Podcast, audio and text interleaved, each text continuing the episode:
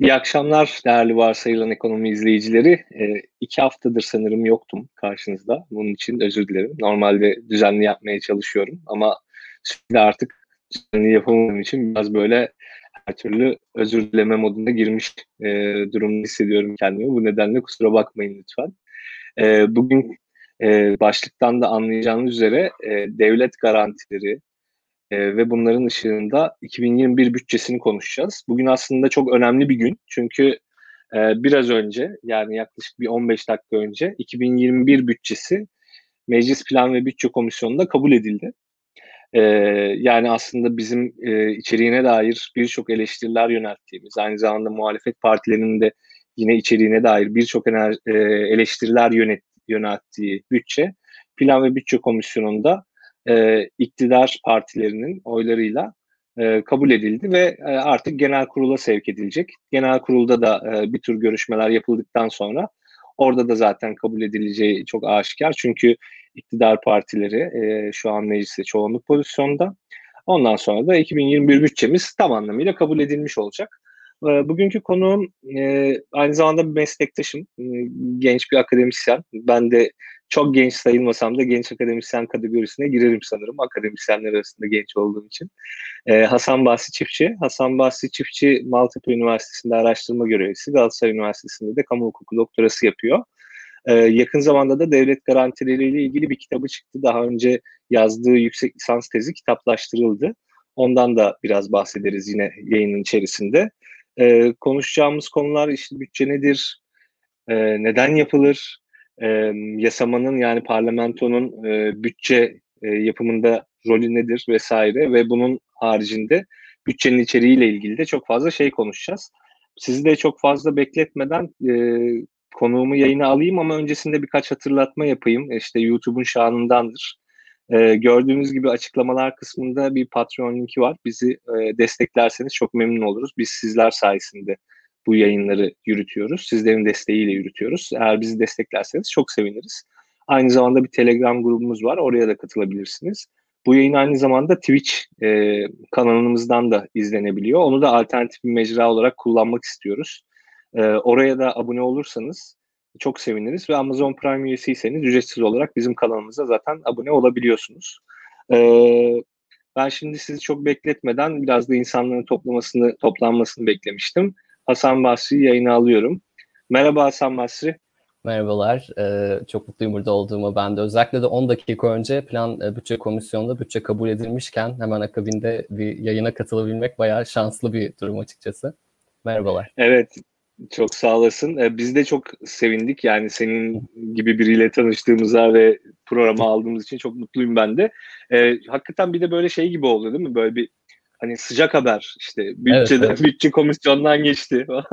Öyle oldu çok sevindim onun için. Yani hızlıca başlayalım istiyorum ben. Ee, aslında Twitter adresimizde de e, yazmıştım ben e, işte birkaç soru bunlar üzerine konuşacağız diye. Çok daha fazlasını konuşacağız ama oradaki ilk soruyla başlayayım. Ya şimdi hiçbir yerde görmüyoruz tabii biz şimdi bu bütçe ne oluyor ne bitiyor. Önceden çok daha fazla konuşulurdu.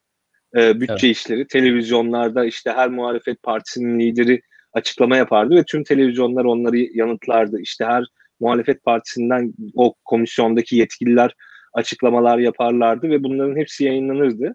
Hani o zaman Twitter'da şuydu buydu yokken bile çok daha fazla konuşuluyordu bu evet, bütçe işleri. Şimdi konuşulmadığı için belki de insanlar çok farkında değil ya bütçe geçiyor ne oluyor ne bitiyor falan.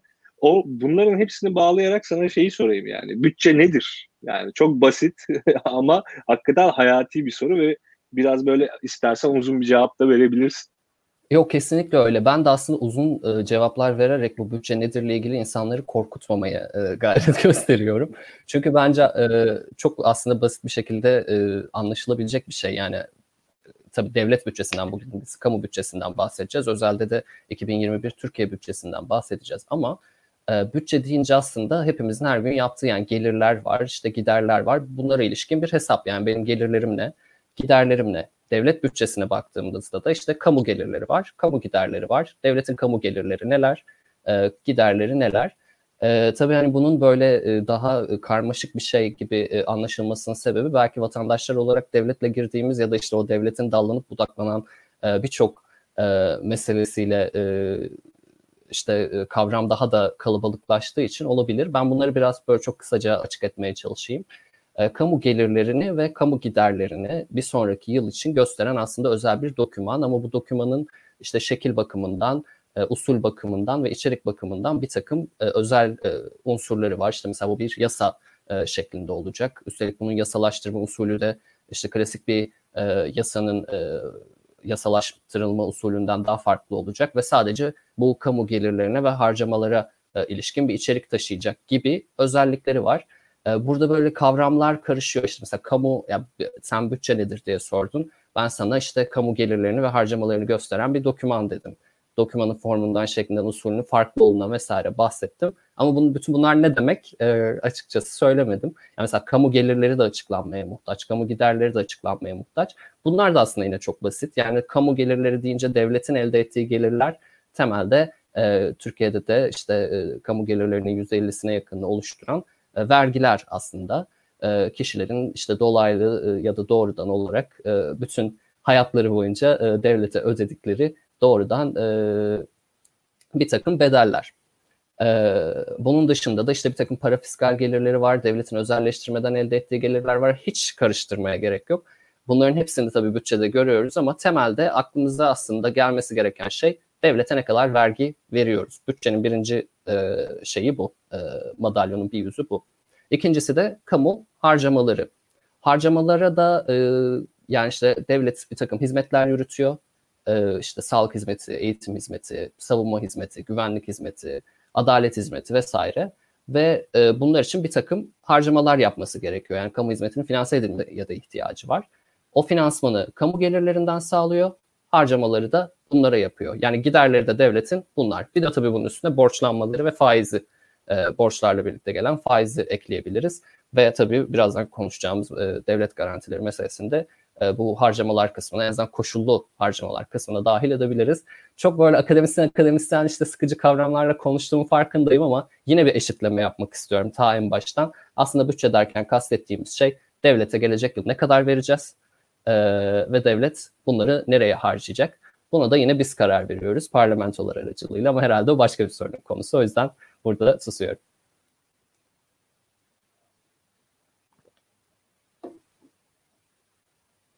Sanırım seni duyamıyorum. Pardon mikrof evet mikrofonum kapalı kalmış.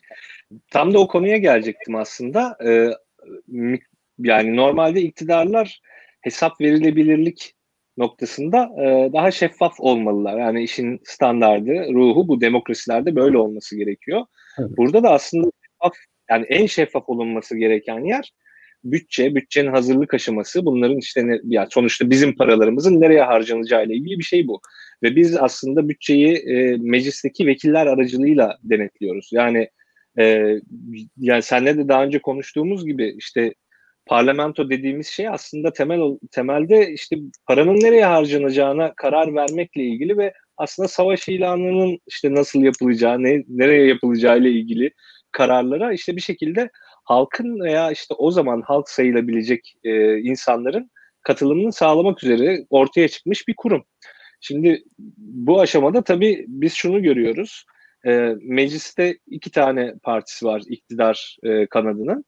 E, bu koalisyon partileri yani her şeye e, birlikte hareket ediyorlar zaten. Olumlu baktıkları şeylerde, olumlu olumsuz baktıkları şeylerde birlikte olumsuz hareket ediyorlar.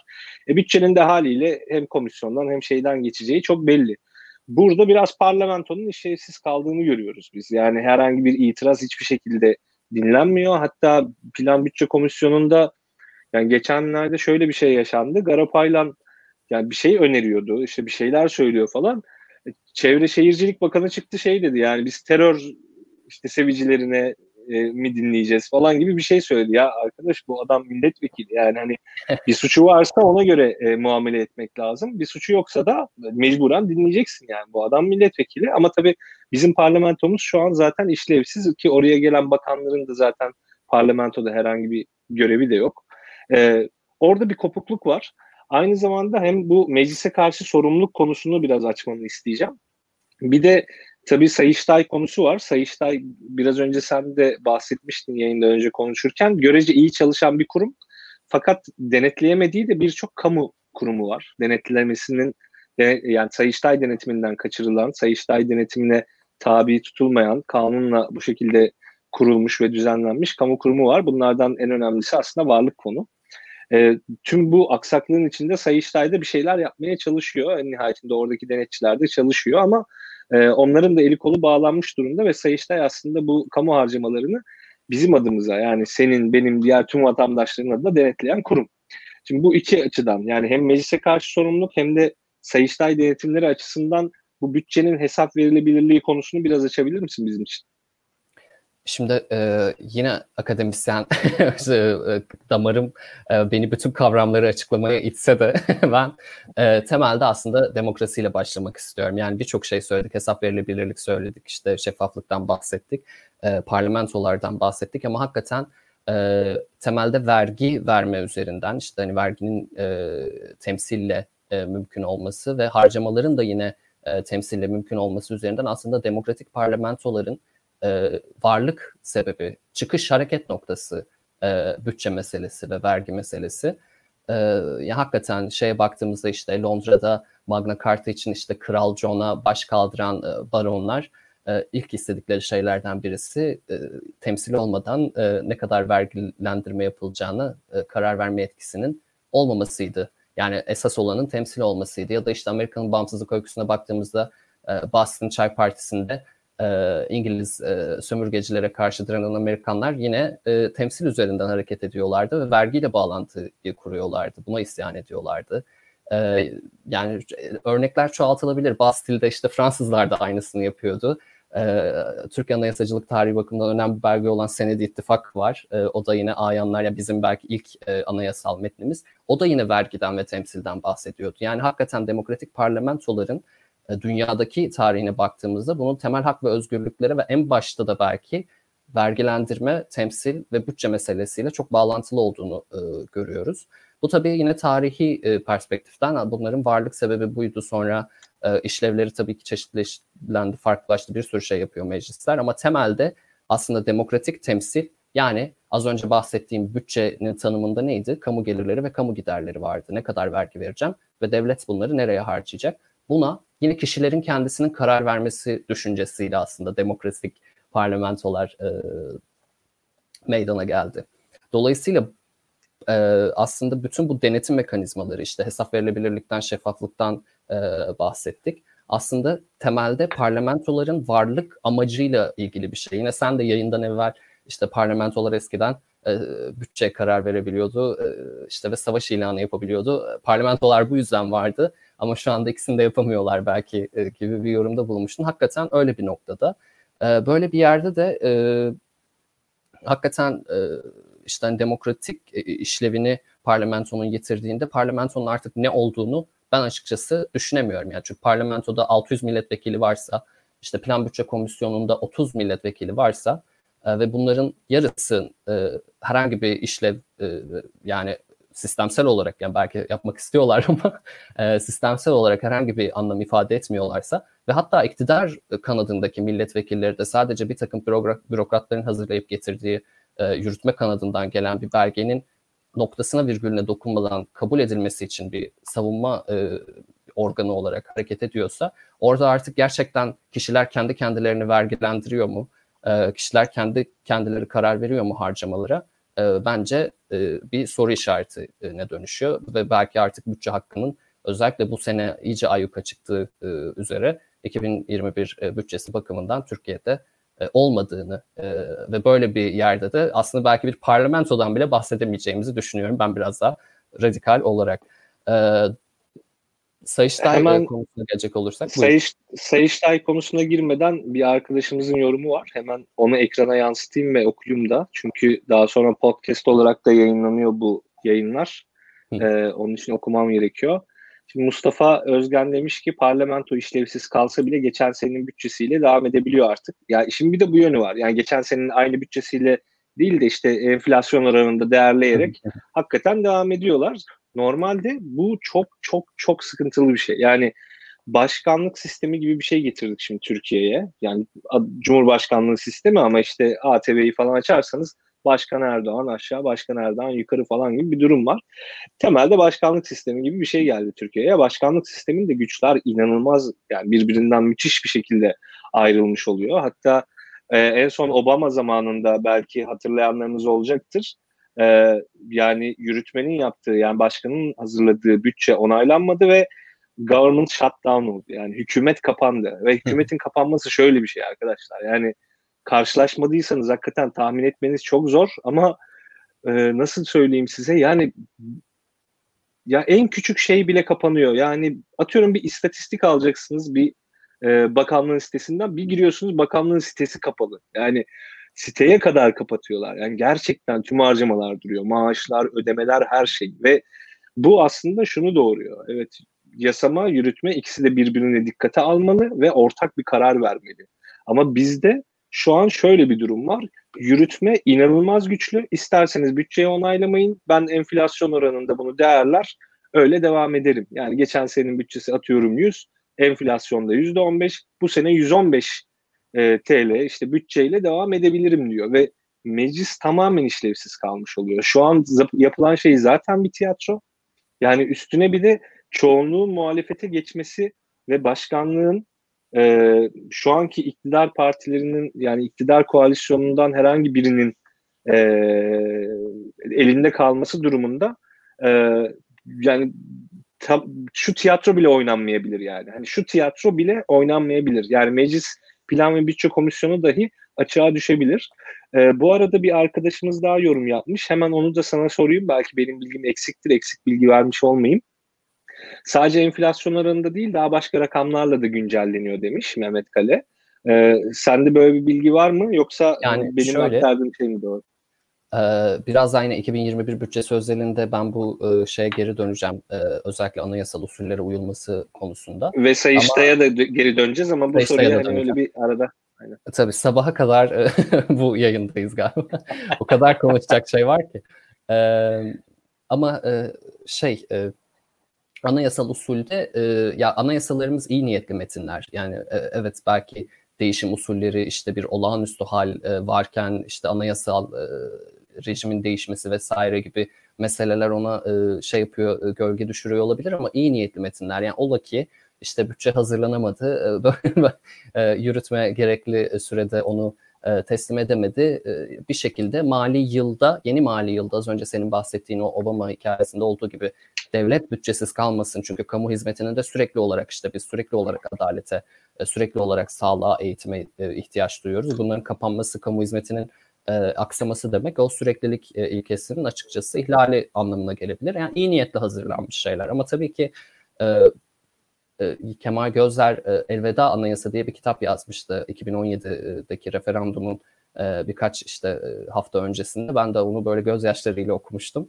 E, kendisini de gözyaşlarıyla yazdığını düşünüyorum. Orada aslında çok e, temel e, bir takım açıklamalar yapmıştı. Ben çok detaya girmeyeceğim ama e, Türkiye'de şu anda aslında bu değişen sistemle birlikte yasama, yürütme ve yargının e, bir arada e, olduğu bir e, güçler ayrılığı değil, bir güçler ortaklığı yani güçlerin tek elde toplanması gibi bir durum söz konusu.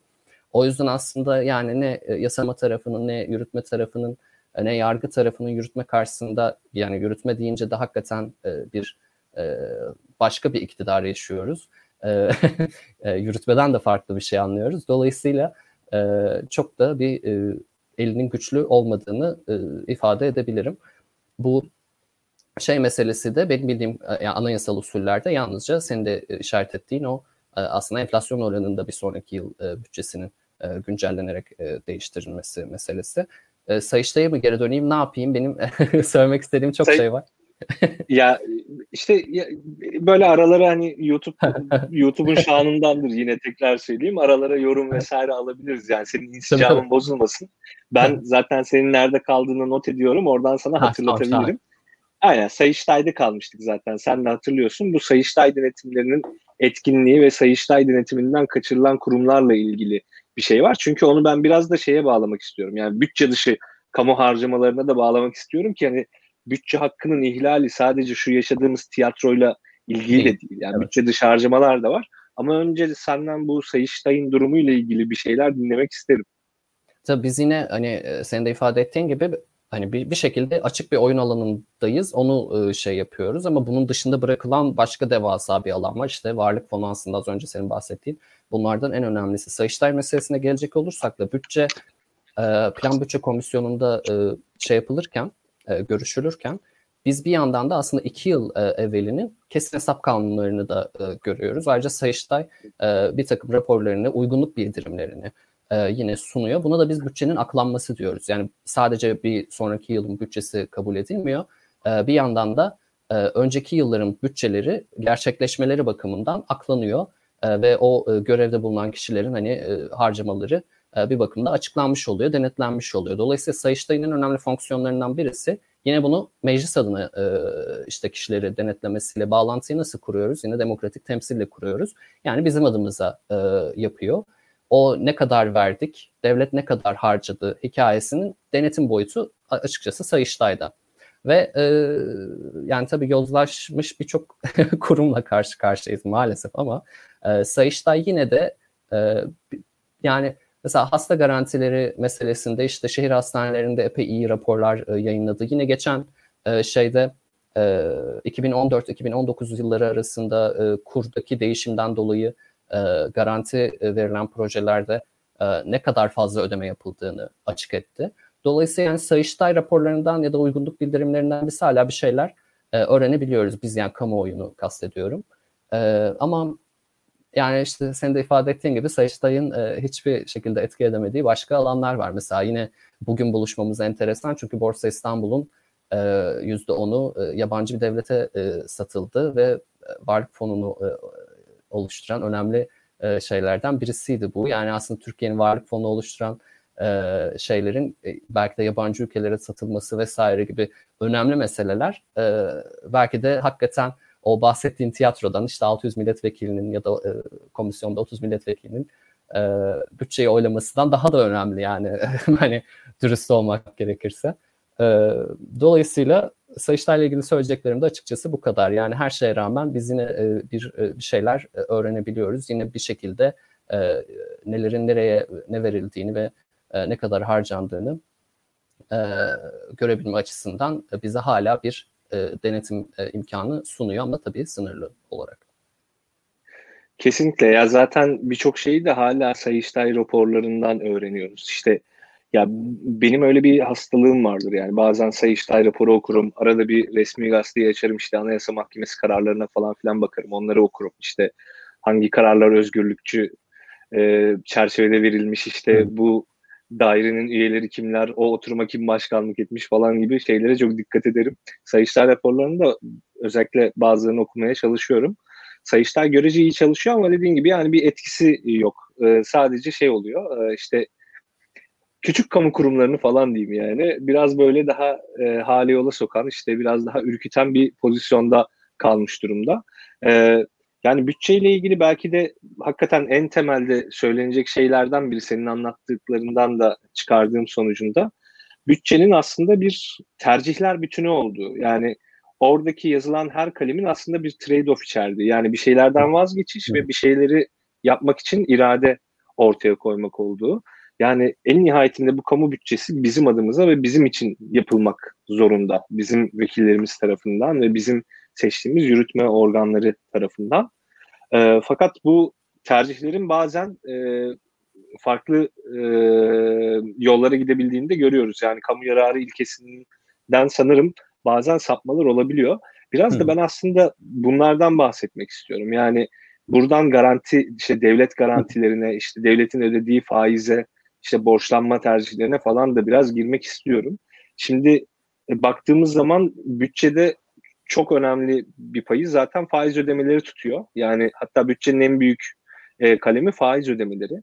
Yani devlet o kadar çok borçlanıyor ve tüm ekonomik kuralları da alt üst ederek bir para politikası uyguladıkları için çok yüksek oranda da faiz artırımı yapmak zorunda kaldılar ve faizler de çok yükseldiği için çok fazla faiz ödemesi yapacak. Bunu e, yani Türkiye devletinin yani kamunun bütçesinde faizler her zaman yüksekti. e, bütçe içinde oranı. Ama çoğu zaman böyle birinci sırada olmuyordu yanlış hatırlamıyorsam. Yani bütçenin en büyük payı faizlere gitmiyordu. diye hatırlıyorum. Bu bütçe bu açıdan önemli. İkinci olarak da senin aslında bu konuda bir kitabın da çıktı geçen hafta. Devlet Garantileri. Yayının başında da bahsetmiştim. Belki duymayan arkadaşlar, yeni gelen arkadaşlar vardır. Evet yani gösterdiğin için de sağ ol. Kitabını da yanında getirmişsin sağ olasın. Devlet Garantileri Hasan Bahri'nin e, yani yüksek lisans tezi ve o artık evet. kitaplaştırıldı. Ve devlet garantileri de aslında bizim bütçede önemli bir pay tutuyor.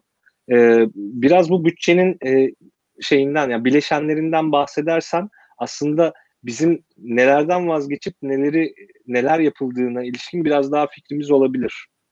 Evet, yani o kadar e, güzel şeyler sordun ama o kadar çok fazla şey söylemek gerekiyor ki ben böyle aslında bir önce e, bu gider gelirler yani 2021 bütçesine bir genel bir bakış sonra e, bahsettiğim diğer meselelere borçlanmaya garantilere girmek istiyorum. 2021 bütçesinde e, giderler 1 trilyon 346 milyar e, lira olarak e, saptanmış yani tahmin e, olarak e, ve gelirlerde e, 1 trilyon e, 101 milyar lira olarak e, hesaplanmış ve 245 milyar e, lira açık e, öngörülmüş. Senin de söylediğin gibi e, çok büyük bir oran var aslında giderlerde e, faiz bakımından. Bu aslında borçlanmanın demek ki e, fazla e, olduğunu e, da gösteriyor. 180 milyar liradan fazlası yani toplam e, e giderlerin e, %13'ü e, faiz.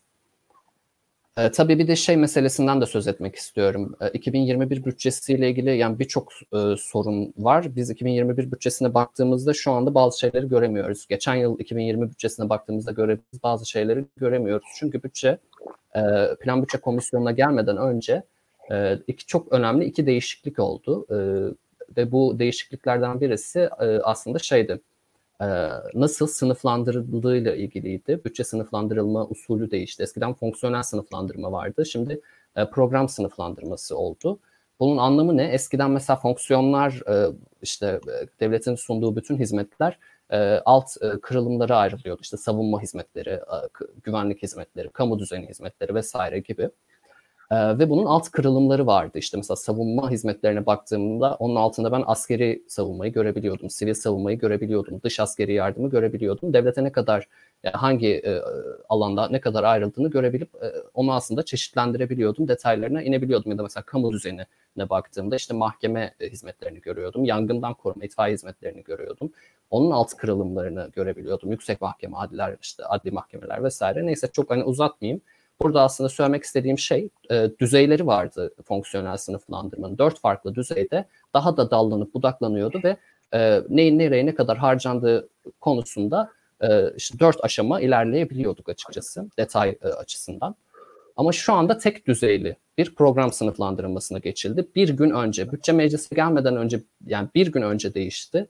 Ama gelen e, bütçe e, program sınıflandırılmasıyla yapılmış bir bütçeydi. E, dolayısıyla yani aslında bu bile meclisin ne kadar bypass edildiğini ve işlerin ne kadar ciddi alınmadığını bence gösteren bir şey. Çünkü bütçe sınıflandırma usulü değişmiş zaten. Ona göre bir sınıflandırma yapılmış ve belge hazırlanmış. Ee, ama değiştirilmesi bunun işte kanunen sadece e, meclise gelmeden bir gün önce oluyor. Burada da mesela programdan kasıt ne işte mesela göç yönetimi ne ne kadar harcıyor devlet işte bağımlılıkla mücadeleye ne kadar harcıyor. Daha böyle işte kadının güçlenmesi işte gençliğin e, güçlenmesi mesela bu hani bu tarz e, hizmet e, şeyleri görüyoruz. Dolayısıyla hani devletin e, aslında bir takım programlara göre hareket etmesi söz konusu bu yeni sınıflandırmada ve tek düzeyde kalıyor. Yani diğerindeki gibi çeşitleyemiyoruz. Bu birinci önemli e, değişiklikti. İkinci önemli değişiklik de borçlanmaya ilişkindi. E, borçlanmaya ilişkin değişiklik de yine şok edici bir değişiklik olarak maalesef karşımıza çıktı. E, devlet e, 1 e, Ocak 2020'den itibaren geçerli olmak üzere borçlanma limitini artırdı. Yani bu şu demek, biz zaten borçlandık, e, çünkü bu 16 Ekim'de oluyor. E, biz zaten borçlandık e, ve hani şu anda bunu meşru kılıyoruz. Yani yetkisiz borçlandık ve biz şu anda borçlan yani bu yaptığımız yetkisiz borçlanmayı meşru kılmak için bu kanunu çıkarıyoruz. Dolayısıyla zaten meclise 2021 bütçesi gelmeden önce iki tane skandalla karşılaştı e, meclis. Birincisi e, sınıflandırmanın dolayısıyla şeffaflığın yani dört düzey yerine tek düzey olunca tabii e, şeffaflık azalıyor matematiksel olarak. E, ve borçlanmada da böyle bir ihlalin e, söz konusu olmasıyla aslında biz bu sürece girmiş olduk. E, sonra e, meclise geç geldi. Anayasaya göre e, mali yıldan en geç 75 gün önce meclise gelmesi gerekir. 17 Ekim'de biz de ben bütçe neyi bakı da koordine ediyorum vergi araştırmaları topluluğuyla beraber. Ee, ve benim ilk bütçe e, senem e, vergi araştırmaları toplumunda. O yüzden çok heyecanlıydık. Yani 17 gün sayfalarını yeniledik. işte haberlere alarmlar yani bekliyoruz. Bütçe ne zaman gelecek? Çünkü bir şeyler yapacağız onunla ilgili. Gelmedi. E, bütçe yani bizim ulaşabildiğimiz bilgilere göre 18 Ekim sabahına geldi. Bu da bir şekilde aslında e, meclisin e, önemsiz yani anayasal usulü bile ihlal edecek şekilde e, e bir e, hani meclisi bypass etme, ciddiye almama e, artı usulü aykırılık olarak karşımıza çıktı. Zaten böyle yani e, bütçede ne olacağını göremeyeceğimiz ve zaten bütçenin geç geldiği hatta işte e, bütçe plan bütçe komisyondaki milletvekillerinin bile ulaşamadığı bir ortamda biz vatandaş olarak bir işte hesap sormaya çalışıyoruz, bir bilgi edinmeye çalışıyoruz. Bu hakikaten zor ve yani e, ne komisyonda ne e, işte şeyde e, mecliste ne belki medyada da e, yeterince e, bir aslında e, alan yoktu bu e, bilgileri edinmek için. Dolayısıyla ya şeyin farkındayım. E, sen çok uzun bir soru sordun. Ben de uzun uzun anlatıyorum ama lütfen hani araya girmen gerektiğinde hemen gir. E, bütün meselelere de değinmek istiyorum. Biz şeyleri e, böyle sorunlarla başladık. Daha sonra da e, açıkçası e, özellikle bu yeni sistemde sanırım bakanlar bir de tabii salgının da etkisiyle bakanlarla milletvekilleri çok fazla bir araya gelemiyorlar ve birbirlerine çok fazla soru soramıyorlar sanırım. Bütçe komisyonu böyle bir fırsata dönüştü ve bütçe komisyonunda açıkçası yani bütçe içeriğine dahil olan ya da olmayan birçok şey tartışıldı. E, bu da kamuoyunun bilgilenmesi bakımından iyiydi tabii ama yani e, aslında e, milletvekilleri e, söylemek istedikleri, sormak istedikleri başka şeyleri konuştular. Yani bütçeyi konuşmadılar e, çoğu zaman. E, bütçenin canlı yayınlanması, görüşmelerin canlı yayınlanması talebi daha ilk günden reddedildi. E, neredeyse bütün bakanlıkların görüşmelerinde bakanlarla tartışıldı. İşte bir takım mesela KYK borçlarının ödenmesi için bütçe artırım teklifi yapıldı, reddedildi. Ee, yine e, yani noktasıyla virgülüyle birçok aslında kurum e, olduğu gibi kabul edildi. Yani eğer bu kez yine ben o alta yazdıklarını görüyorum. Bu kez olduğu gibi kabul edildi yazabilirsin. Çünkü hakikaten komisyondaki görüşmelerin özeti bu şekildeydi. E, dolayısıyla yani bütün bu e, yaşananlarla ben şu anda bütçeye artık sadece sayılar olarak bakamıyorum. Yani artık bütçenin hakikaten e, meclisin e, de takdirinde olmadığını, dolayısıyla halkın da takdirinde e, olmadığını e, görüp üzülüyorum. Bütün bunlarla birlikte biz mesela o e, bir takım e, işte devlet garantilerine ya da borç üstlenimlerine e, açıkçası bütçeye doğrudan bakarak yani meclise gelen belgeye bakarak e, ulaşamıyoruz. Çünkü bunlar e, yani işte bir takım acar gazetecilerin işte Çiğdem Toker gibi ya da çok iyi ekonomistlerin e, Uğur Emek gibi, e, Uğur Emek Hoca gibi e, aslında hesaplamalarıyla ya da işte delip geçmeleriyle açığa çarılıyor. Çünkü bunları doğrudan işte bu senede garantilere bu kadar verilecektir vesaire gibi bir paylaşım, bir sayı yok. Bunu da herhalde birazdan daha detaylı girerim neden böyle olduğuna ilişkin. Ama 2021 bütçesi ve yaşananlar konulu şeyim söylerim burada sona eriyor. Çok sağ olasın ayrıntılı cevap verdiğin için. Ya aslında ben de tam onu diyecektim. Şimdi bütçe zaten her şeyi karmaşıklaştırdıkları gibi e, bütçe de daha karmaşık bir halde artık eskisine göre. E, bunu zaten sen de vurguladın ve e, en kötü yönü de şu zaten. E, yani ben hatırlıyorum daha öncesinde yani ben üniversitede okurken falan yani bu bütçe görüşmelerini biz takip ederdik işte haberlerden takip ederdik. Orada gazeteciler bütçeye ilişkin en ince ayrıntısına kadar gazetelerin ekonomi sayfalarında işte birinci sayfadan birçok bu konu bütçe konuları hakikaten görüşülürdü, anlatılırdı. Gazeteciler sürekli yani bu meclise gelmeden önce hem komisyondayken hem de meclis görüşmeleri sırasında haberler yapılırdı. Şu an o haberleri zaten göremiyoruz. İşte 2021 e, bütçesine ilişkin haberlere baktığınızda sadece çok deskriptif işte çeşitli haberler görebilirsiniz. İşte şu gün geldi, bugün görüşülecek e, evet. vesaire vesaire ya da bir kavga çıktıysa işte biraz önce bahsettiğim örnek gibi işte ona terörist dediler, bilmem kime ne dediler. E, o sandalyesini fırlattı, bir iki mikrofon fırlattı falan gibi böyle çok ekstrem olaylar olursa sadece bütçeyle ilgili haberler oluyor. Ki şeyi de vurguladın sen bütçe hakikaten anayasaya aykırı bir şekilde geç geldi.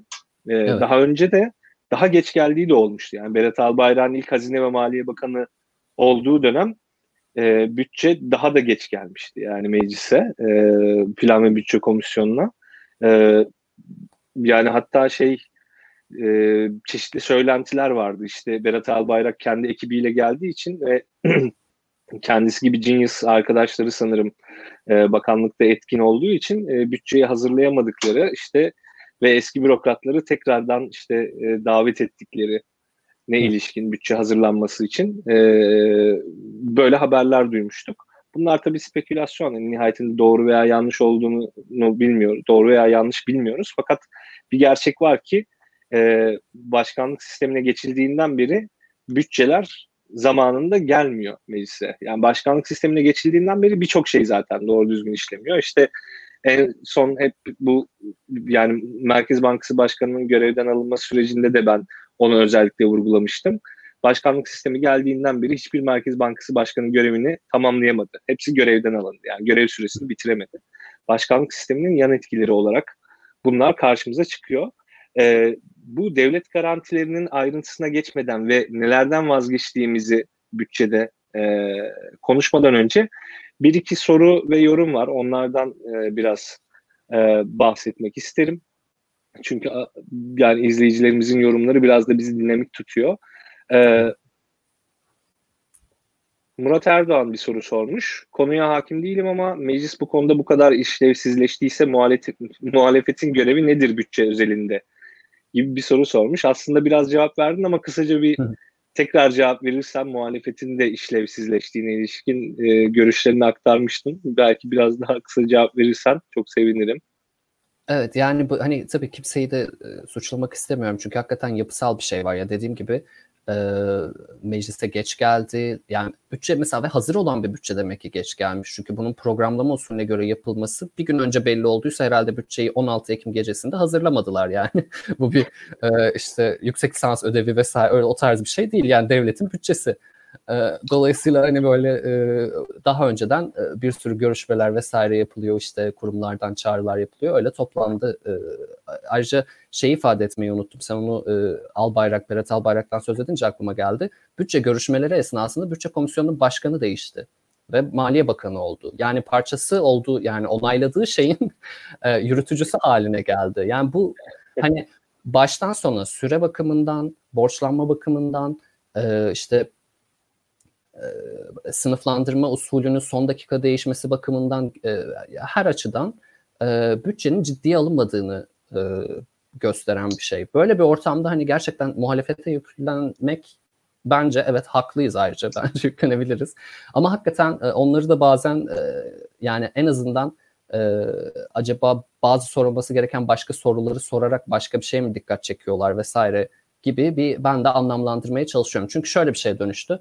E, görüşmeler canlı yayınlanmıyor ve bütçe görüşmeleri e, belli ki e, aynı şekilde kabul edilecek vesaire. Bunu fark edince biraz aslında herkesin e, Twitter'dan canlı yayın e, açarak orada söylemesi ne istenen e, yani kendisinin ve işte parti programında olan şeylerin e, ifade etmek istediği her şeyi ifade eden bir e, şeye dönüştü yani hani muhalefet partileri de. E, dolayısıyla hani etki edemiyorsa bari e, kamuoyu oluşturma e, gibi bir şeye dönüştü.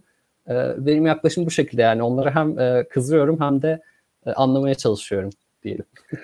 Ya bu konuda ben de bir iki kelam etmek isterim. Hakikaten evet. ya muhalefetin yapacağı bir şey yok arkadaşlar. Yani bu bu kadar net. Yani her yerde azınlıklar ve karşılarında bir koalisyon blok halinde hani sorgusuz sualsiz ne getirilirse onaylıyorlar veya reddediyorlar karşılıklı olarak anlaşarak. Muhalefetin yapacağı yani pratikte hiçbir şey yok ama muhalefete eleştirimde hakikaten biraz ciddiyet beyler düzeyinde. Yani bu eğer plan bütçe komisyonuysa yani ortada bir devletten söz edebiliyorsak ki ben hani e, liberal bir insan olmama rağmen ortada bir devlet bile kalmadığına ilişkin bir eleştiri getiriyorum artık çoğu zaman. Eğer bir devletten bahsediyorsak yani bunun işleyişi vardır ve ne olursa olsun orada ciddiyet biraz daha muhafaza edilmeli ve konuya ilişkin, özel ilişkin şeyler mutlaka yapılmalı. Bunlar hiçbir zaman yani yapılmadı demiyorum. Ama bence daha ciddi bir şekilde, daha böyle ses getirici bir şekilde ele alınması lazım. Yani bizim e, iki tane e, junior e, akademik akademik olarak burada evet. bunu konuşmamızdan daha fazla etki eder. Yani onların bu işleri konuşmaları. Yani sü- sürekli bundan bahsetmeleri lazım. Sürekli her yere yani çıkmak istemeleri lazım. Kendilerinin anlatmak istemesi lazım. Bunu ben çok önemsiyorum açıkçası. Ee, ben bugün biraz e, şeye baktım işte program başlamadan önce acaba kim nerelerde ne konuşmuş vesaire diye. Ya doğru dürüst 2-3 tane programdan başka bir şey yok yani. Hani yazılara bakıyorum da bu bununla ilgili çok fazla bir yazı da yok. Ya bu en önemli şey yani bizim gelirlerimizle ilgili bir şey. Yani hepimiz maaşlarımızın çok önemli bir kısmını vergi olarak veriyoruz. Yani benzin aldığımızda vergi veriyoruz, ekmek aldığımızda vergi veriyoruz. Çocuğumuza çocuğumuzu okula gönderdiğinde okula gönderdiğimizde vergi veriyoruz. Ya bu en önemli şey. Yani bunda da söz hakkı sahibi olmayacaksak ve bununla ilgili bilgilendirilmeyeceksek yeteri kadar daha ne yapacağız? Yani isterim ki çok daha fazla konuşulsun bu konu. Ee, buna da böyle kısaca cevap vereyim. Sen tabii ee, daha böyle güzel dileklerle konuştun. Özür dilerim çok kısa ben de buna bir şey eklemek istiyorum ama bence yani şu anda Türkiye'de e, ne bizim e, ne milletvekillerini yani hiç sadece yurttaşlar olarak hiçbirimizin bütçeden bahsetmeme lüksü olmamalı. Yani böyle bir hakkımız yok. Ve hakikaten bu yoksa parlamentoda yok ya bence o kadar net yani. yani. Bu artık bittiği nokta gibi geliyor bana. Varoluş amacı gibi geliyor. Kesinlikle. Ee, bir soru daha alayım kısaca.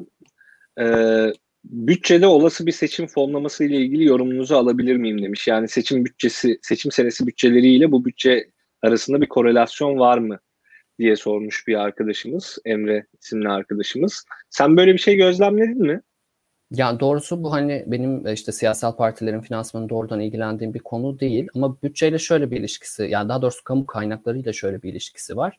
Artık e, örneğin Fransa'da sanırım e, bir e, işte ilk bu e, bu konuda düzenlenen kanunlardan ilki e, olma özelliğinde taşıyor. E, işte bunu aslında direkt yolsuzlukla işte siyasi partilerin finansmanının denetimini doğrudan yolsuzlukla ilişkilendirdiler. ilişkilendirdiler. O yüzden keşke e, bu soru e, senin bir önceki programında gelseydi diyorum.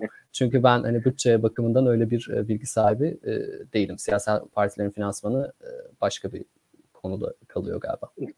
Tamamdır. Ee, ya ben de arkadaşlar hani öyle bir şey gözlemlemedim. Bunu tabii gözlemlemek için belli şeyler var. Mesela sosyal transfer harcamalarının artışı e, noktasında evet, bütçede evet. bir şey var mı diye bakıyoruz. Aslında tam tersine yok. Yani şöyle söyleyeyim yani bu pandemi döneminde e, yani ülkelere baktığınızda herkes esnafına, işte memuruna, vatandaşına bir şekilde tüm vatandaşlara destek olmaya çalışıyor. Ee, bizim bütçemizde buna ilişkin herhangi bir destek zaten gözükmüyor şu anki formasyonla baktığımızda. Ee, daha önceki e, pandemide işte kapanma sürecinde zaten hatırlarsanız herhangi bir maddi destek çok sağlanmamıştı. Hatta ya, kredi almaya yönlendirmişlerdi insanları ve kredi genişlemesi yaşamıştık.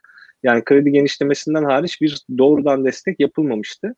E, ya ben pandeminin e, en başından beri biraz şeyi savunuyorum. Yani enflasyondur vesaire hani bir şekilde çözülür ama insanlar bir şekilde ölmeme, ölmeden yaşaması lazım. Yani bu işleri çözeceğiz ama nasıl çözeceğiz? Beraber çözeceğiz. Yani biz yaşayalım ki çözelim yani. Biz eğer hayata küsersek ya da ölürsek biz bu işleri en nihayetinde çözemeyiz. Onun için hani gerekirse e, bir miktar daha para arzının doğrudan e, yardım yapılacak şekilde genişletilip e, bu süreci bir şekilde atlatıyor veya atlatmaya çalışmamız lazımdı. Fakat ona ilişkin bir şey yok bütçede. Onun için ben bir seçim bütçesi diyemem buna. Hani benim de kısaca yorumum bu olsun. E, şimdi e, aşağı yukarı 43 dakika olmuş e, Hasan Basri. Biraz şey biraz hızlı geçti hakikaten. Ben de çok evet, keyif evet. aldım. Biraz bu devlet garantilerinden de... söylemiş gibi hissediyorum. Değil mi? Biraz böyle devlet garantilerinden evet. de bahsedelim istiyorum. Yani çünkü evet. o bizim paralarımız açısından önemli tercihler ve trade-off'lar içeriyor aslında. Ve hem de senin uzman olduğun alan, bu alanda çalışman da var.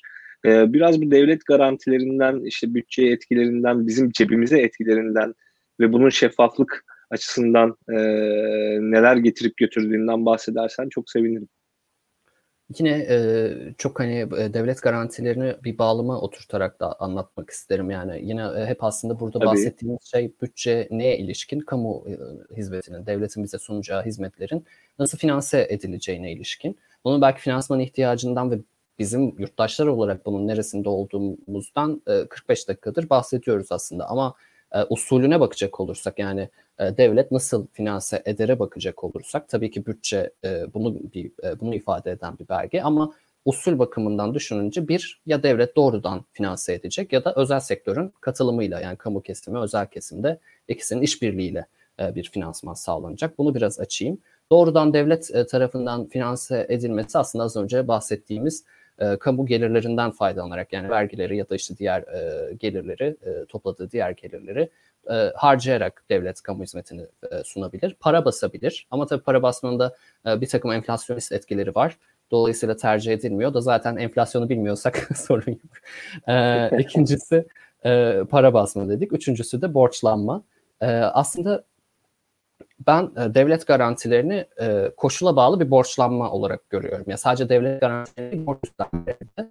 E, bundan kastettiğim şey de ne? E, yani devlet doğrudan birinden işte bir para e, almıyor da e, bir finansman kuruluşundan işte dışarıdan ya da içeriden işte ya da senet ihraç etmiyor da koşula bağlı yani belirli şeyler gerçekleşirse mesela bu ne olabilir? İşte köprüden e, belirli sayıda kişi geçmezse olabilir. Ya da ne olabilir? Dış borcumu öde e, işte e, ödemezsem şu idare işte şu bakanlık aldığı borcu ödemezse gibi bir takım şartlara bağlıyor ve bu şartlar gerçekleştiğinde devlet borçlanmış oluyor. Biz buna koşullu yükümlülük diyoruz. Dolayısıyla ben e, devlet garantilerini e, bir kısmını e, bu devletin doğrudan e, şeyi kamu hizmetini finanse ettiği başlıkta borçlanma altında değerlendiriyorum. Diğer kısma gelirsek ikinci usulde aslında belki de kamuoyunun e, yıllardır çok gündeminde olan hepimizin aşina olduğu bir takım kavramlar özel sektörün katılımıyla olanlar işte yap işlet, yap işlet devret, yap kirala devret gibi usuller ya da işletme hakkının devri gibi usuller. Bunlarda da e, daha çok devlet aslında belki de 1980'den sonra Türkiye'de işte 1973'ten sonra dünyada değişen ve 2008'den sonra tekrar değişmeye başlayan ve Covid'le ne olacağı bilinmeyen e, bu ekonomik e, yapıda biraz daha doğrudan finansman işte ben e, aldığım paralarla doğrudan bir hizmet sunayımdan ziyade yani o hizmet sunan, emir veren hani güçlü devletten ziyade daha bunun koşullarını oluşturan ve bunu finanse eden devlete dönüştü. Garanti eden devlet diyoruz buna da, ensuring state. E, bu e, şeyde, anlayışta aslında biz devlet garantilerini ve borç üstlenimlerini e, kamu hizmetinin finansmanına ilişkin bir şey olarak görüyoruz. Ya bunu neden anlattım? E, devletin garanti vermesinin aslında olağan bir şey olduğunu söylemeye e, çalıştığım için anlattım. Bizdeki sorunlar e, yine yapısal ve bunu yanlış uygulamayla ilgili e, sorular, e, sorunlar. Şimdi devlet garantileri kategorik olarak harcama değil. Dolayısıyla biz bu hani kamu giderlerine baktığımızda bütçede göremiyoruz. Koşullu. Ancak koşul gerçekleştiğinde e, borçlanılabiliyor. Mesela işte e, bu e, büyük mega projelerde e, işte e, otoyol olsun. Otoyoldan bir kişinin geçmemesi işte o tes tespit edilen e, sayıda kişinin geçmemesi gerekiyor ki yani o koşul gerçekleşsin ve bu borçlanma olsun. Bunun normalde daha uzun vade yani bir fayda maliyet tabii sen e, bu kavramları e, çok daha doğru e, ve sayısal olarak da değerlendiriyorsundur. Ben yine hukukçu olarak sadece e, kavramlarda kalıyorum. E, Estağfurullah. Bu fayda maliyetin aslında arası açılıyor. Yani buradaki yapısal yani kuramsal sorun şu. E, faydayı bugünkü vergi mükellefleri elde ediyor. Yani köprüden bugünkü vergi mükellefi geçiyor. Otoyoldan bugünkü vergi mükellefi faydalanıyor. Şehir hastanesinde bugünkü vergi mükellefi yatıyor. Dolayısıyla yani e, faydayı o sağlıyor. Ama maliyeti uzak bir gelecekte e, henüz belki de doğmamış ya da bizim yaşlanmış hallerimiz ya da bizim çocuklarımız e, üstleniyor oluyor. Ve bunun arası açıldığı için aslında normalde vergi hukukunda işte bugünkü vergi mükellefleri ve gelecekteki vergi mükellefleri diye absürt bir ayrım yoktur. Yani vergi mükellefi vergi mükellefidir. Ama bu borçlanma bağlamında ve koşullu borçlanma bağlamında özellikle devlet garantilerinde bu ara açılıyor. Ve dolayısıyla aslında gelecekteki vergi mükellefleri bakımından bir adaletsizlik doğmuş oluyor. Başkasının katlandığı, başkasının faydalandığı işte faydayı maliyetini onun e, maliyetini üstlenmiş oluyor. Bu kuramsal sorun. Bir diğer sorun da yani devletin garanti vermesinin hani neden olağan olduğunu anlatırken yani bu işte 1980 sonrası neoliberal sistemde aslında işte üstlenimlerin ve garantilerin bir şekilde o fayda maliyeti yani çünkü işte ne kadar öteleyebiliyorsan maliyeti e, onun e, gerçekleşmemesini de o koşulun ne kadar sağlayabiliyorsan, ne kadar iyi hesaplıyorsan aslında sorun çıkmaması gerekir. Yani çok rasyonel, mantıklı bir şey. Hani ben bugün bir şey yapacağım, e, bir fayda elde edeceğim. Bunun maliyetine de belki de hiç katlanmayacağım. Yani hani ilk düşünce e, güzel. Ama e, bunun için işte o iktisadi parametrelerle kamu hizmeti alanını be- belirlerken aslında şunu kaçırıyoruz. E, özel ve kamu kesimi arasında bir risk paylaşımı söz konusu. Ve bu paylaşımı birazdan ortaya koyacağım. Ya yani 80-20 oranında devlet üstleniyor. Peki devlet e, sadece %20 e, işte öz kaynağını getirme riskini verecekse e, özel kesime e, bunu zaten %100 devlet yapsın. Yani faydasına da maliyetine de katlansın. Böyle bir paylaşıma gerçekten devletin finanse ederken ihtiyacı var mı? Mesela bir yapı işlet devlet projesinde yine bunların çok detaylarına girmek istemiyorum ama bir yapı işlet devlet projesinde devlet özel e, şirkete üretim girdilerinin temin edilmesini hazine garantisiyle veriyor. E, bu riski yani eğer üretim girdileri e, olmazsa e, zararı devlet karşılayacak. Öngörülemeyen gereksinimlerini karşılaması için özel şirketin bir kredi araması gerekirse buna köprü kredi diyoruz. Bunu e, bundan doğan borcunu e, devlet yine hazineyle garanti ediyor. Üçüncüsü mal ve hizmetin talep edilmesini garanti ediyor talep e, garantileriyle. Yani o şeyden e, işte şirketin sunacağı mal veya hizmetten kaç kişinin faydalanacağını ve faydalanmazsa o kadar kişi e, oradan doğan zararı yine karşılayacağını garanti ediyor. Bütün bunların yanında bir de işletme süresinden önce işte bu yap işlet devletler, o az önce söz ettiğim işte yap kiralı devlet vesaire onlar büyük uzun süreli sözleşmeler işte 30-40 yıllığına yapılıyor. E, bu süreden önce e, proje devredilirse, devlete devredilmek zorunda kalınırsa işletme sahibinin kusuruna bakmadan yani batırabilir şirket hizmeti ve onun hani bir suçu olup olmadığına bakmaksızın borç üstlenimiyle borçlarını üstleniyor. Yani bir tekrar hızlıca hatırlamak adına üretim girdilerinin teminini hazine garanti ediyor. Öngörülemeyen gereksinimi karşılayacak krediyi e, hazine garanti ediyor. Mal veya hizmetin talebini talep garantisi yoluyla ilgili e, işte idare örneğin bakanlıklar e, garanti ediyor. Üstüne de bunu başaramaz da yani bütün bunlara rağmen yine de o projeyi özel kesim yürütemezse bir de hani neredeyse hiçbir sıyrık e, olmaksızın kurtulması adına borçlarını da yine devlet üstleniyor. Geriye ne kaldı? Yani aslında sadece e, şirketin öz kaynağından getirmesi gereken yüzde yirmilik oran kaldı. Başta ne demiştim? Bu bir risk paylaşımı demiştim. Yani e, aslında anlattıkça sinirlendim ve açığa çıktı ki burada risk yok. risk yok. Yani e, şirket için hiçbir risk yok. Bu e, anlattığım e, bir de şey değil, uygulama boyutu değil, kuramsal boyutunda şu anda batmış durumdayız. Yani e, hukuki e, sistemde bu şekilde ilerlerken öz kaynağının %20'sini şirket getirmek dışında herhangi bir risk taşımıyor. E bu durumda iktisadi parametrelerle hukuk işte kamu hizmetinin belirlenmesinden bahsetmek anlamını yitiriyor. Çünkü parametre kelimesi yani başta zaten denklemin şartlara göre değişebilmesine ilişkin bir kelime. Şartlara göre değişmiyor. Neredeyse her şey sabit. Ee, başta e, öz kaynağının %20'sini getirecek ve ondan sonra hiçbir risk e, taşımayacak. Uygulama boyutuna geçecek olursak burada da e, şey görüyoruz. Şimdi yine ben alt kırılımlarını çok açmak istemiyorum. Süremizde aşmak istemiyorum ama çok çeşitli garantiler var. Mesela hazine geri ödeme garantileri var. Bu hazine geri ödeme garantileri devletin kurum, yani kamu kurumların, idarelerin işte bakanlıkların yurt dışından aldığı borçlar, dış borçlar için e, verilen garantiler. E, ve mesela bu 30 Haziran itibariyle 14 milyar 48 milyon dolarmış. Ve toplam dış borcun %5.75'ini yani Türkiye'deki bütün borçlanmanın, dış borçlanmanın %5.75'ini ve toplam gayri safi milli hasılanın da %1.74'ünü e, yani neredeyse %2'sini e, oluşturuyor ve 2026'ya kadar ancak 2 bölü 3'ünü ödeyebilecekmişiz mesela Hazine, e, Hazine ve Maliye Bakanlığı'nın yayınladığı projeksiyonlara göre. Bunun yanında e, talep garantileri meselesi var. Onu bilmiyoruz. Çünkü hazine garantilerinin usulü işte e, ilgili kanunlarda düzenleniyor 47-49'da ve işte başka e, dağılmış yerlerde 50-18'de vesaire. Ee, bunlar kanun numaraları özür dilerim. yani, evet, evet yani çok şey sanki herkes biliyormuş gibi. Ee, şeyi e, yani çok dağıtmadan şey söylemek istiyorum. Ya hazine geri ödeme garantileri devletin e, kendi aldığı borçlara verdiği garantilerin e, aslında biz şeylerini görüyoruz, miktarlarını görüyoruz.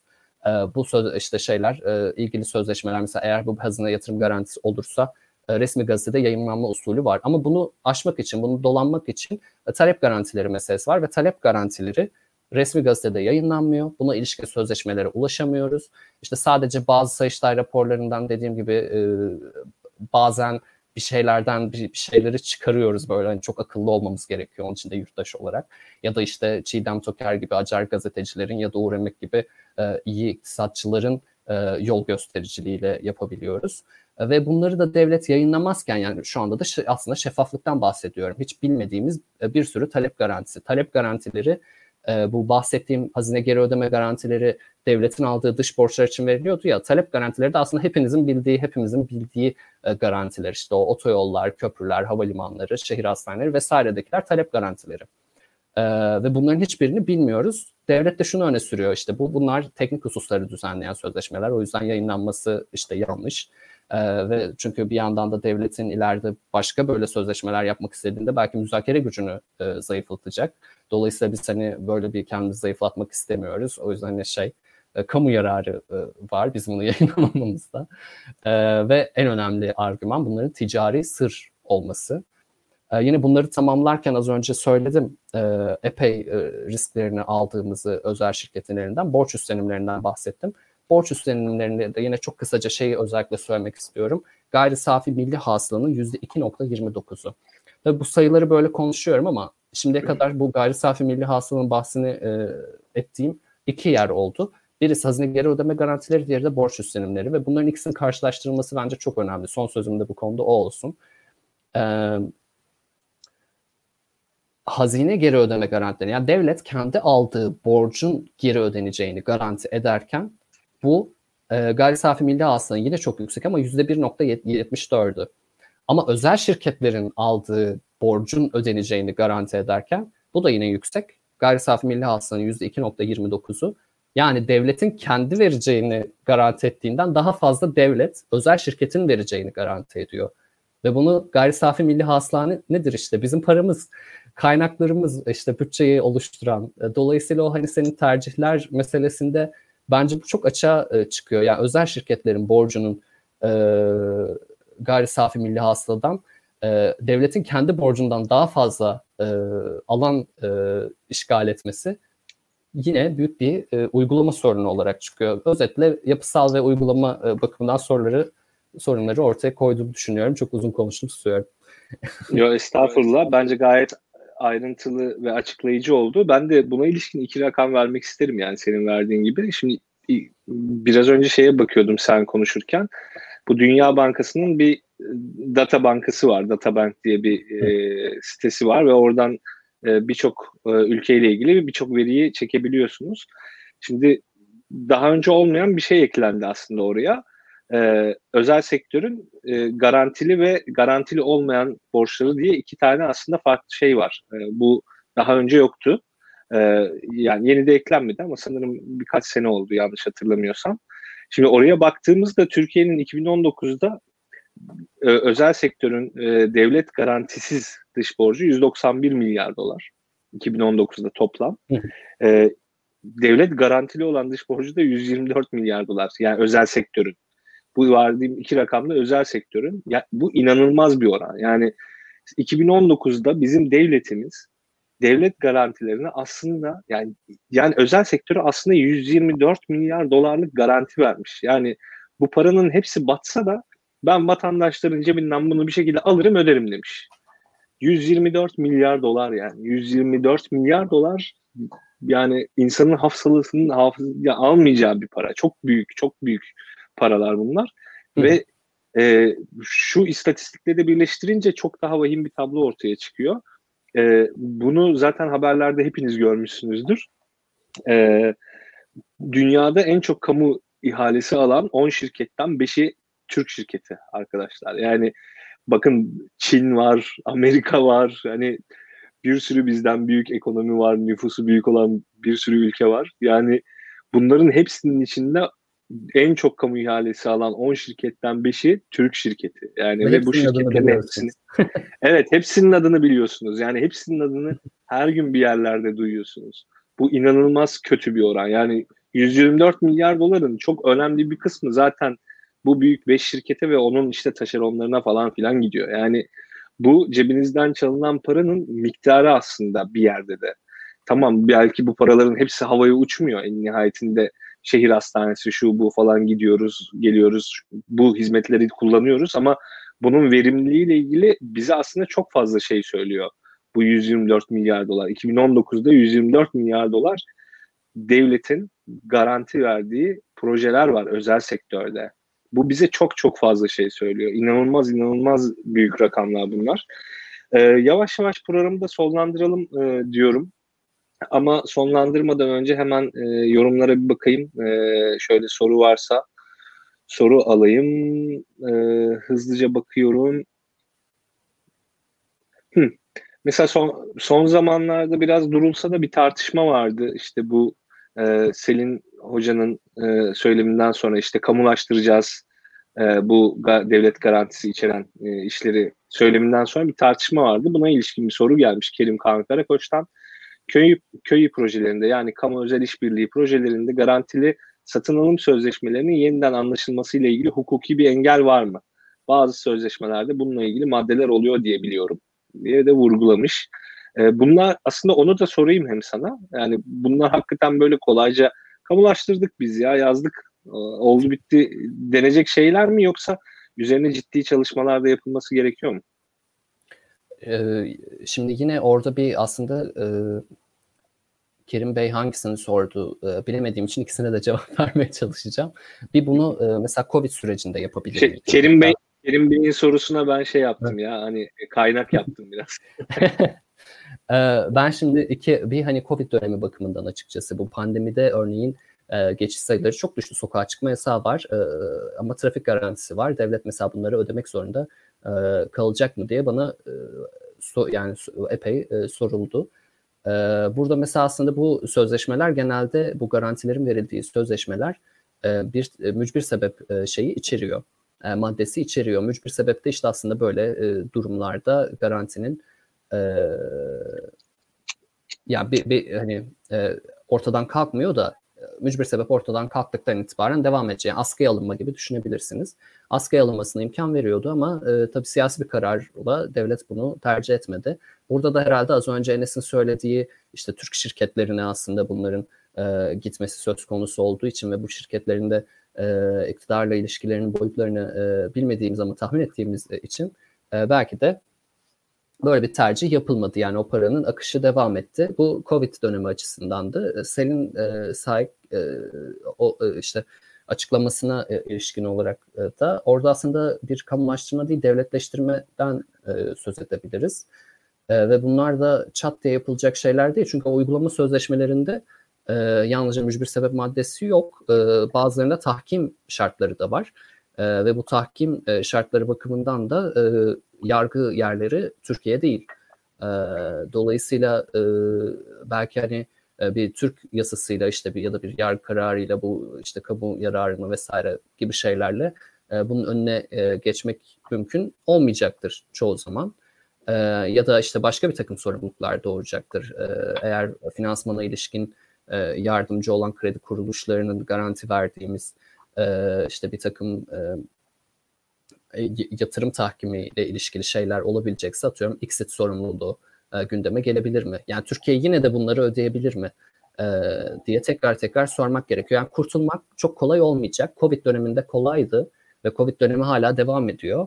E, belki yeni yasaklar gündeme gelecek ilerleyen günlerde ve tekrar bunu e, sormamız gerekecek. Yani bu garanti verdiklerimizden kurtulabilir miyiz diye. Ve kısa vadede Covid bakımından bu mümkün. Ama uzun vadede işte devletleştirme üzerinden e, mümkün mü bence çok tartışacağız. Evet yani buna ben de birkaç şey ekleyeyim ondan sonra da yayını yavaş yavaş sonlandıralım. Senin de son sözlerini alıp.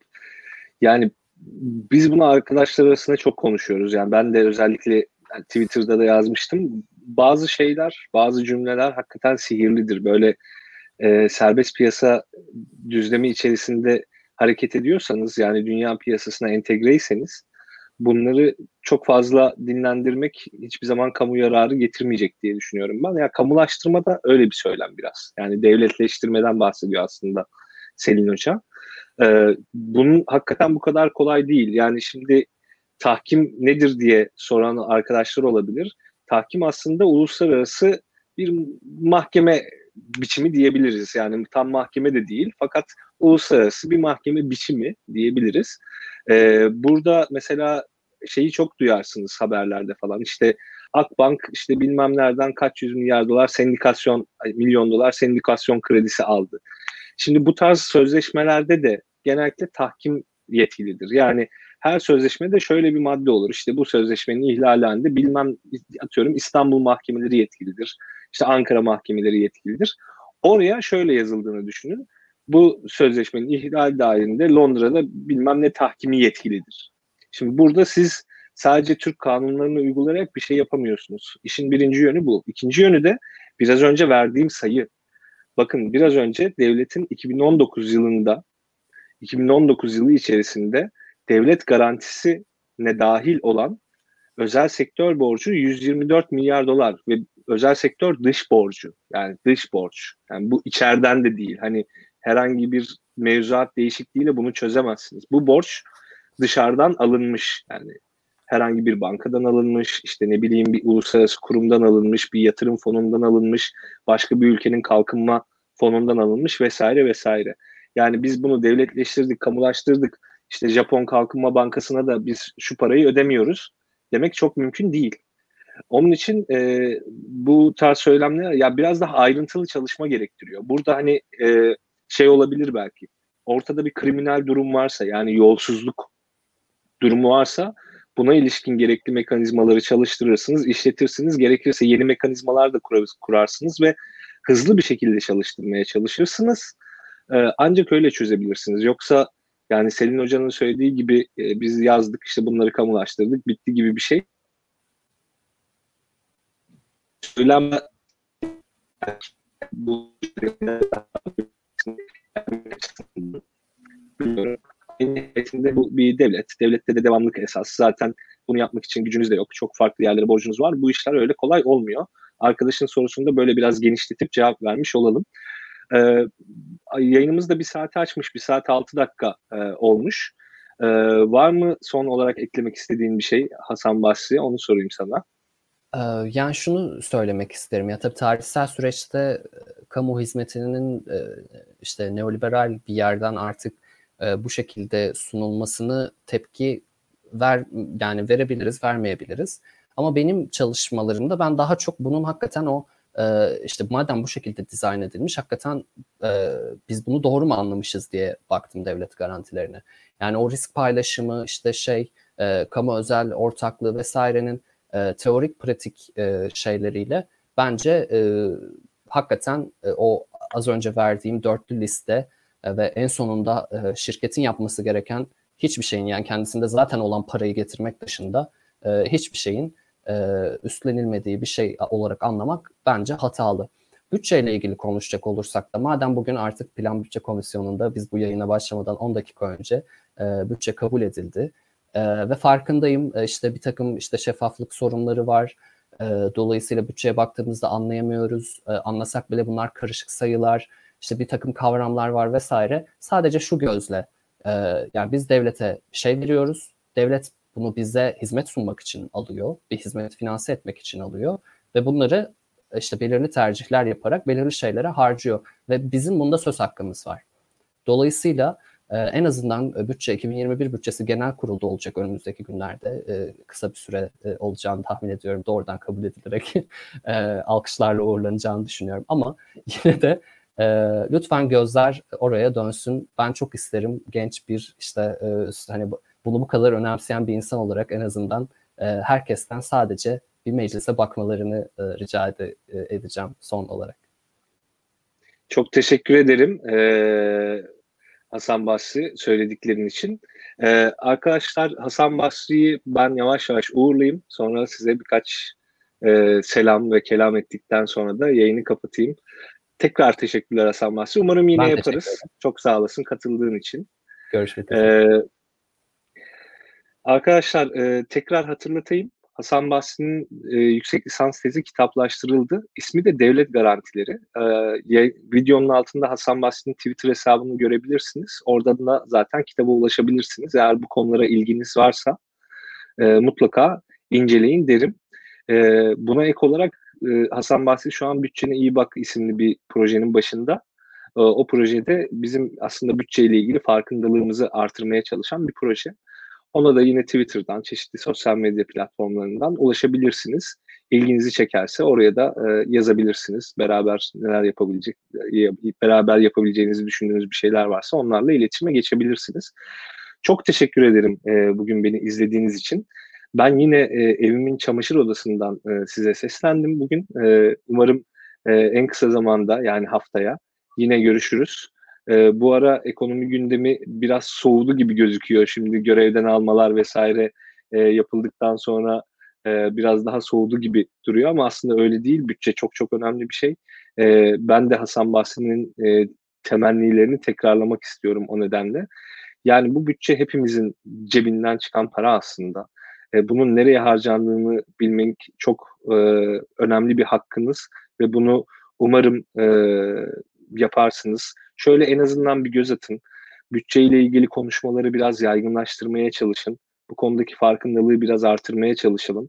Ne kadar da şu an bir etkimiz olduğunu düşünmesek de e, ilerleyen dönemde bu işler şeydir. Yani yavaş yavaş gelişir. Sonuçta e, hiçbir düzen ila nihayet devam etmez. Bu konularda bilginiz olması veya ilginiz olması ilerleyen süreçte yine bizi hepimizi kümülatif olarak e, koruyacak ve bilgimiz arttıkça daha da e, güzel günlere erişeceğiz diyor umuyorum. E, tekrardan hatırlatmak gerekirse bizim Patreon hesabımız var. Oradan bize destek olabilirsiniz. E, çok seviniriz. Bu yayınları sizlerin destekleri aracılığıyla sürdürüyoruz. Oradan destek olamayacaksanız da en azından bu yayını paylaşırsanız ilgisini çek yayının, e, bu yayınla ilgilenebilecek arkadaşlarınız varsa onlara gönderebilirseniz çok çok sevinirim. E, olabildiğince fazla kişiye ulaşmak her zaman hedefimiz. E, bunu yaparsanız e, bize aslında destek olmuş oluyorsunuz. Yine Twitch kanalımız var. Twitch kanalımızda da e, bu programlar eş zamanlı olarak yayınlanıyor. Eğer Amazon Prime kullanıyorsanız oraya da e, üye olabilirsiniz ücretsiz bir şekilde. Telegram kanalımıza da abone olursanız yani daha doğrusu üye olursanız oradan da size bazen farklı duyurular yapabiliyoruz. E, orayı da boş bırakmayalım derim. E, çok teşekkürler tekrardan. Haftaya görüşmek üzere. Hoşçakalın.